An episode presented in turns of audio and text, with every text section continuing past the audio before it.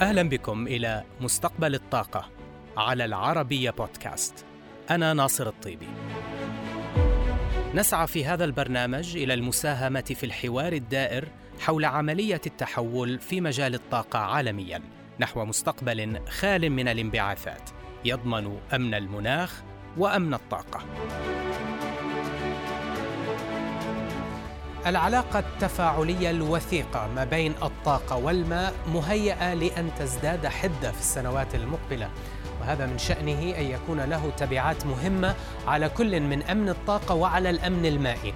فكلا الموردين يشهدان في معظم دول العالم نموا مضطردا في الطلب عليهما وتزايدا في القيود التي تواجههما بسبب النمو الاقتصادي والسكاني في ظل تداعيات التغير المناخي.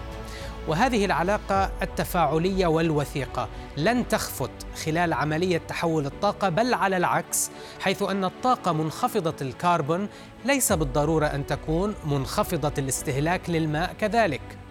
لنشرح لكم كيف. أنواع الوقود والتقنيات المختلفة التي تستخدم في تحقيق التحول إلى الطاقات النظيفة قد تزيد من حالة شح المياه أو قد يحد هذا الشح من قدراتها على إنتاج الطاقة. ليست كل تقنيات الكربون المنخفض تحتاج إلى كميات كبيرة من الماء فطاقة الرياح والطاقة الفوتوضوئيه تحتاج إلى كميات قليلة إلا أن تقنيات أخرى مثل الوقود الحيوي والطاقة الشمسية المركزة. وأيضا تقنيات احتجاز الكربون وتخزينه إلى جانب الطاقة النووية جميعها تقنيات كثيفة الاستهلاك للماء. وكالة الطاقة الدولية حسبت أن استهلاك المياه في الإنتاج الأولي للوقود الأحفوري بلغ عام 2016 نحو 18 مليار متر مكعب.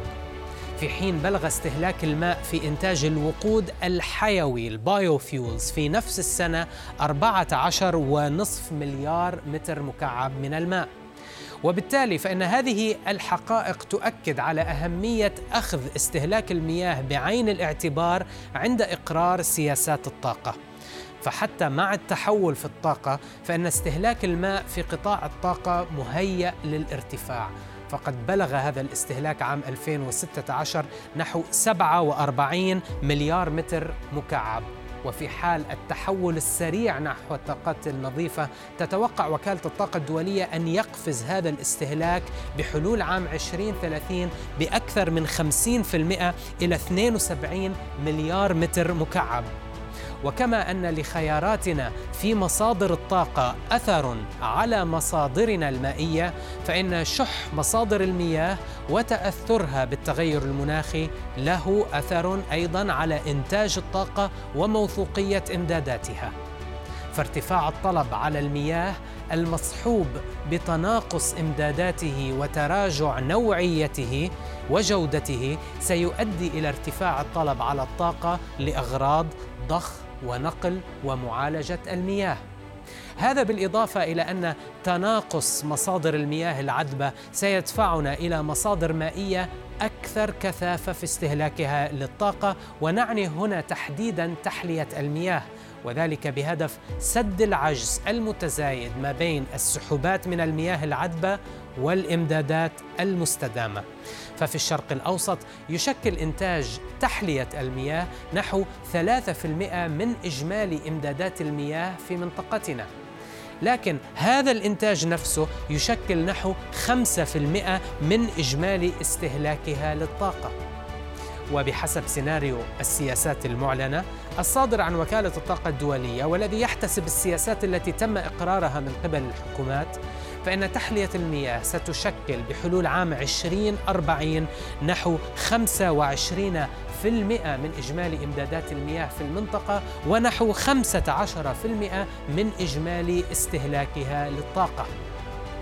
وهذه نظرة مشاهدينا على حجم استهلاك تحلية المياه للطاقة عالميا في الفترة ما بين عام 2014 وعام 2040 بحسب وكالة الطاقة. وطبعا نتحدث هنا عن تيراوات أورز للإنتاج. ليس بالضرورة أن تقيد المياه قطاع الطاقة وليس بالضرورة أن يؤدي ارتفاع الطلب على الماء إلى ارتفاع مماثل في الطلب على الطاقة.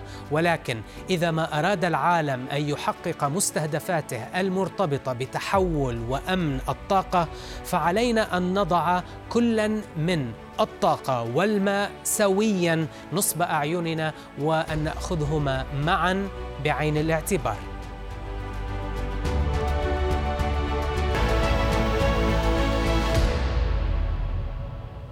محطات التحلية تكاد تكون المصدر الوحيد للمياه العذبة في الخليج ويكفي أن نعلم أن دول المنطقة موطن ل 30% من محطات تحلية مياه البحر عالمياً. خلال العقدين الماضيين دخلت تقنية التناضح العكسي وأحدثت خفضا كبيرا في تكاليف عملية التحلية. لكن هذه التقنية تحمل بعض الجوانب السلبية. لنضيء على تحدياتها سألنا البروفيسور المشارك والمدير الأول للمعهد البترول لجامعة خليفة سعيد الحسن. طريقة إنتاج المياه بالتناضح العكسي تعتمد على سحب مياه على سبيل المثال من الخليج العربي ومن ثم فصلها إلى جزئين. جزء يكون آه، آه، مياه حلوة صالحة للشرب والجزء الثاني تكون مياه آه، أملح من مياه الخليج العربي. والمياه هذه نسميها بالمصطلح العلمي البراين. فهذه نرجعها مرة ثانية إلى الخليج العربي. فعلى المدى الطويل إذا زدنا من ملوحة الخليج العربي الحياة البحرية بتتأثر وبتأثر على نسب الأكسجين وبالتالي يضر بالبيئة على المدى الطويل. بالإضافة ان آه، إنتاج المياه بهذه الطريقة تحتاج إلى الكهرباء التي تنتج من آه، آه، شو اسمه حرق النفط أو الغاز الطبيعي ولذلك فهي أيضا تنتج ثاني أكسيد كربون الذي يعتبر حاليا مضر للبيئة على المدى الطويل. طبعا هذا إلى جانب انه هذا المحلول المائي درجة حرارته أعلى وبالتالي أيضا تساهم في رفع آه، درجة حرارة آه، مياه الخليج العربي، دكتور إلى أي مدى يمكن للطاقات المتجددة أن يتم استخدامها بكفاءة في تحلية المياه؟ وما هي أكبر التحديات على هذا الصعيد؟ آه، نعم. طبعا حاليا الطاقة المستجدة تستخدم في إنتاج المياه بشكل بشكل يومي. وعلى المدى الطويل تعتمد الدول على إنتاج الطاقه من بدائل للنفط الأحفوري. وبالتالي آه، في هناك يعني محطات تحلية تعتمد على الطاقة الشمسية على سبيل المثال في إنتاج المياه.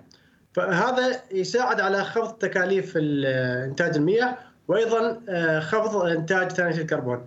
ولكن لا ينافي مشكلة المياه المالحة التي تعود إلى آه، المصدر فهي تحل مسألة ثاني الكربون ولكن ما تحل مسألة زيادة الملوحة في آه، الخليج العربي على سبيل المثال. هل بالإمكان آه، فك علاقة الارتباط ما بين إنتاج الطاقة وتحلية المياه دكتور؟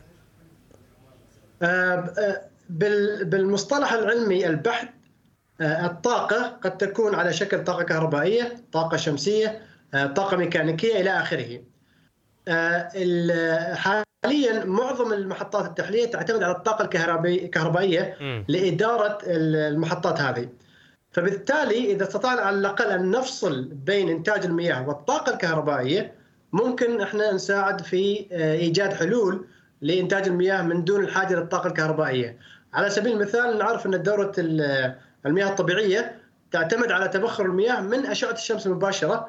وبالتالي البخار هذا أو الرطوبة ممكن تكون مصدر لإنتاج الماء من دون الحاجة إلى استخدام الكهرباء آه، كطاقة معينة لإنتاج المياه. دكتور سعيد كيف يمكن لتقنيات الأغشية آه، الممبرينز أن تساهم في تقديم حلول مستدامة صديقة بيئيا وأيضا ذات كفاءة عالية في استهلاكها للطاقة في إمدادات الماء. وما أبرز الحلول الواعدة آه، في هذا المجال حاليا؟ نعم آه، طبعا تنقية المياه بالتواضح العكسي يعتمد على الأغشية التي ذكرتها سابقا. فحاليا هناك اهتمام في إنتاج أغشية تخفض من كمية الطاقة المطلوبه لانتاج المياه هذه. فإذا خفضت كمية الطاقة المطلوبة لإنتاج المياه فتساعد على تقليل تكلفة إنتاج المياه نفسها. ولكن نرجع لاحد المساوئ التلاطح العكسي انه لابد أنت في هذا المطاف إن ترسل البرايم أو المحلول الملحي المركز مرة ثانية إلى المصدر. إذا وجدنا حل للمحلول المركز هذا فممكن التقنيات الاغشيه تساعد على المدى الطويل في إنتاج المياه بطريقة مستدامة. دبي أعلنت مؤخرا عن مستهدفات جديدة لخفض الانبعاثات بنسبة 30% بحلول عام 2030 الملفت في هذا المسار هو ما كشفه لنا المهندس طاهر دياب خبير الاستراتيجيات والتخطيط في المجلس الأعلى للطاقة في دبي إذ كشف عن قرار بإلغاء حصة الفحم من مزيج الطاقة المستهدف بحلول عام 2030 والتي كانت محددة ب 7% وتحويل هذه الحصة إلى الغاز الذي سترتفع حصته من 61% إلى 68%. لكن قبل ذلك سألت المهندس طاهر كيف توصلت دبي إلى رقم الثلاثين في المئة المستهدف لخفض الانبعاثات بحلول عام 2030 حتى أعطي خلفية عن هذا الهدف الجديد. طبعا تم تطوير النسخة الأولى من الاستراتيجية في عام 2013 بتكون كانت نسبة تخفيض وقتها 16% مقارنة طبعا بالحالة الاعتيادية لعام 2021 وتم رصد نسب معينة لكل سنة. يعني كل سنة بيكون في نسبة تخفيض تخفيض وهي النسبة طبعا بتكون ما لها خص بالسنة اللي قبل أو اللي بعدها لأنه ما بدنا نعمل جمع للتخفيض. وهي طبعا الطريقة المستعملة عالميا. واستطاعت دبي بتحقيق طبعا نسبة عالية من من المستهدف وهي طبعا 22% وهذا وصل في عام 2019 يعني هذا الرقم بيعكس كفاءة المشاريع والبرامج التي تم تنفيذها من قبل الجهات المعنية اللي هي أعضاء المجلس. كان لدور لدورهم طبعا أثر كبير في تعريف هذه الآلية التنفيذية وهذا عامل رئيسي لنجاح طبعا الاستراتيجية، إحنا عادة نحرص إنه يكون في عندنا stakeholder engagement ويكون في لهم آراء وبتكوين أي أي سياسة أو أي برنامج يساعد طبعا على عملية تخفض الكربونات. المنظومة اللي تم تطويرها خلال التسع سنوات كانت تجمع بيانات ونشاطات لإنبعاثات قطاعات رئيسية أربعة هي في دبي اللي هي إنتاج الماء والكهرباء معالجة النفايات الصناعات والنقل البري طبعا عن طريق المركبات بأنواعها تم ربط هذا النشاط بآليات وإجراءات تخفيض وبنقوم بتحليل هذه البيانات بشكل دوري ومنتظم. بمعنى إنه في نهاية كل سنة بيتم عملية جرد للانبعاثات وبنشوف قد نسبة التحقيق مع نسبة الهدف اللي كان هذيك السنة. في عام 2021 في نهايته طبعا استكملنا التحديث الاستراتيجيه لتغطي السنوات اللي هي طبعا القادمة إلى وصول 30% بنهاية عام 2030 وضعنا أيضا خارطه الطريق والوصول لل carbon neutrality اللي عارفين إحنا اللي هي طبعا حياديه الكربون في 2050 ولو إنه هذه الخارطه طبعا تعتمد تعتمد بجزء كبير على نضج وإمكانية تطبيق هذه التقنيات التي يتم تطويرها حاليا طبعا في العالم. هل سيتم وضع أهداف مرحلية للفترات أو للسنوات ما قبل عام 2030 وما هي البرامج والتقنيات التي سيتم تبنيها لتحقيق هذا الخفض المستهدف بانبعاثات إمارة دبي بحلول عام 2030 المشاريع والبرامج اللي يتم تخطيطها وتنفيذها هي تحت من من منظومة نسميها إحنا منظومة دبي للطاقة مستدامة دبي sustainable energy model طبعا هاي بتعطيك نسب تخفيض سنويه ويعني الهدف هو تحقيق هذه النسبة. فإحنا ما بنعتبرها إنه بس يعني مرحلة لنصل لل 30 لا إحنا بدنا نوصل لهذه الانخفاضات السنوية بنجاح. والحمد لله التسع سنين اللي مروا كان كان يعني دليل على إنه إحنا في إمكاننا نعمل بهذا المجال وبالطريقة هاي. الاستراتيجية طبعا بتشمل سياسات وبرامج منها طبعا تحسين استخدام كفاءة المياه والكهرباء زيادة استخدام الطاقة الشمسية في توريد الماء والكهرباء أو في يعني power generation وهذا بيشمل طبعا الطاقات البديلة. تحسين وكفاءة عمليات التشغيل هذا شيء مهم في المصانع طبعا. إحنا في عندنا one of the major aluminum smelters يعني عندنا عندنا طبعا مصهر للألومنيوم. الالومنيوم في اللي معروف طبعا في في دبي. آه، في عندنا تحسين وكفاءة عمليات التشغيل في المصانع هذا شغله مهم كثير آه، زيادة رقعة استخدام التبريد المركزي زي ما أنت عارف آه، طبيعة الجو في هذه المنطقة. التبريد له نسبة كبيرة من من استخدام الطاقة في في في في المعادلة. وبعدين في عندنا قوانين الان البنايات الخضراء طبعا ال green building code وعندنا كمان زيادة انتقاء والناس يصيروا يعني أكثر آه، على موضوع السيارات الهجينة والكهربائية، هناك المزيج طبعا في كثير آه، برامج أخرى تحت هذه المنظومة ولكن هي هي التوب يعني هذول العوامل أو البرامج الرئيسية. طيب كيف يتم آه، تقييم مهندس طاهر وكيف يتم إعطاء الأولوية لتقنيات خفض الانبعاثات ورفع الكفاءة التي جئت على ذكر بعضها الآن لتحديد الجدول الزمني لتبنيها ولتطبيقها في برامجكم وفي سياساتكم. سؤال جيد. وهذا طبعا من من الأشياء اللي اللي بتدرج في في, الأسواق وفي, وفي آراء كثير الناس. آه، إحنا أهم العوامل آه، لما نطبق التقنيات هي تكون عناصر فنية أول شيء والإمكانيات المالية. أوكي؟ لأنه آه، يعني عامل التطبيق لازم يضم هدول التنتين أو العاملين المهمين. بعطيك مثال مثلا. أول ما بلشنا في بناء محطة طاقة الشمسية أول محطة كانت في عام 2013 طبعا كانت 13 ميجا وات small small project يعتبر طبعا مشروع في صغير. آه، مجمع الشيخ محمد بن راشد للطاقة الشمسية. الشيخ محمد بن راشد طبعا طبعا. وضفنا بعد هيك 200 ميجا وات في عام في عام 2015 وطبعا هذا هذا آه، المدة اللي مرت من خلال 2015 لحديت هان 2000 في نهاية 2021 في حوالي هلأ 1313 ميجا وات يعني هذا طبعا زيادة نسبية كبيرة في خمس سنين. بخمس سنين زيادة نسبية كبيرة بخمس سنين. طبعا هذا كله من من خلال الدراسات والطريقة اللي تنفذنا فيها. مثلا من الأشياء المهمة هو إدخال طبعا المطور الخاص في مشاريع الطاقة الجديدة. هذا كان له أثر كبير في دفع عجلة تطوير المشاريع الكبرى في إمارة دبي. آه، أول شيء أنت بتخلق خلق آلية الدعم المالي الأخضر ال green green fund أو green finance وبعدين بتدعم بناء القدرات المحلية والوظائف الخضراء green jobs يعني إحنا في عندنا أكثر من حوالي 22 ألف آه، آه، وظيفة خضراء من من المشاريع الطاقة الشمسية ومشاريع تأهيل المباني ومشاريع آه، اللي لها علاقة بإنه نعمل installation ل لل charging points لل EV okay. في عندنا كمان طبعا مشاريع ثانية زي ما أنت بتسمع فيها يمكن ال waste to energy اللي هو تحويل النفايات إلى طاقة كهربائية. هذا مشروع يقام حاليا بناؤه وطبعا هذا تحت استراتيجية دبي 2041 إنه ما يكون في أي waste يتوجه للمطامر. للمطامر نعم. waste energy وإن شاء الله راح يكون في عندنا zero to waste landfill بحدود عام 2041 مجمع الشيخ محمد بن راشد للطاقة الشمسية كمان له له أشياء ثانية يعني مش بس إنتاج الماء والكهرباء ولكن هناك في في عندنا مركز البحوث والتطوير فأي تقنيات موجودة في العالم يتم دراستها.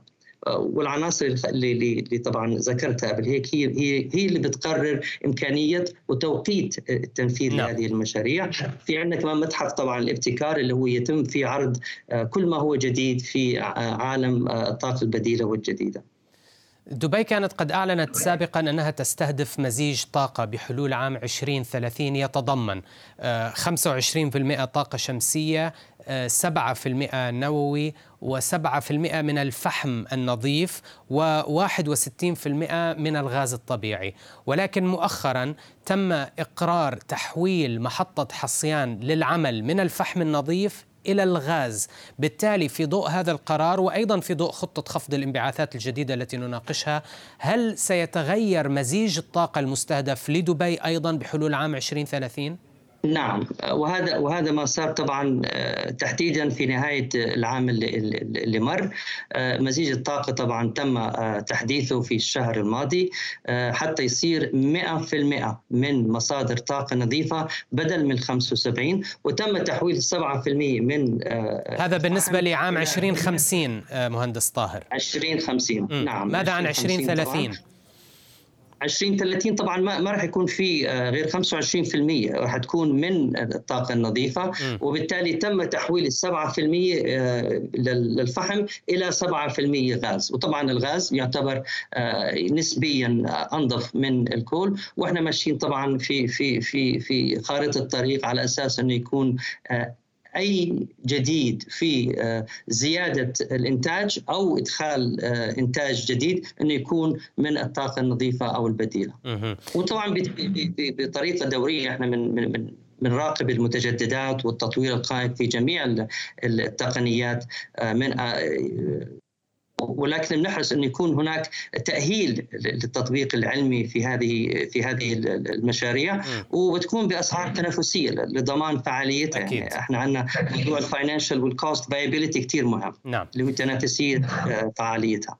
آه، إذا آه، في المستهدف الجديد للطاقات في دبي السبعة في المئة التي كانت سابقا للفحم النظيف ستضاف إلى الغاز فبالتالي صفر من الفحم سيستعمل بعام 2030 68% للغاز الطبيعي. أخيرا مهندس طاهر آه، الإمارات ستقوم آه، باستضافة قمة المناخ كوب 28 عام 2023 كيف تندرج خطة دبي لخفض الانبعاثات ضمن هدف الإمارات في تحقيق الحياد المناخي بحلول عام 2050 طبعا إحنا بنقوم بالتنسيق مع كل الهيئات الحكومية في في دولة الإمارات عن طريق مشاركة البيانات وحتى كمان الخطط وبندعم آه، الأهداف المخططة آه، تماشيا طبعا للوصول إلى الحياد الكربوني آه، وبالتالي الاستراتيجية دبي لخفض الكربون تتماشى مع مع هذه الرؤية وإن شاء الله إحنا بنعتقد إنه الطريق واضح وبنفس الوقت راح يكون في آه، نجاح كبير بأنه هاي الاهداف آه، تكون تكون محققة. بهذا نصل إلى نهاية حلقتنا لهذا الأسبوع، نلقاكم الأسبوع المقبل في حلقة جديدة من مستقبل الطاقة على العربية بودكاست.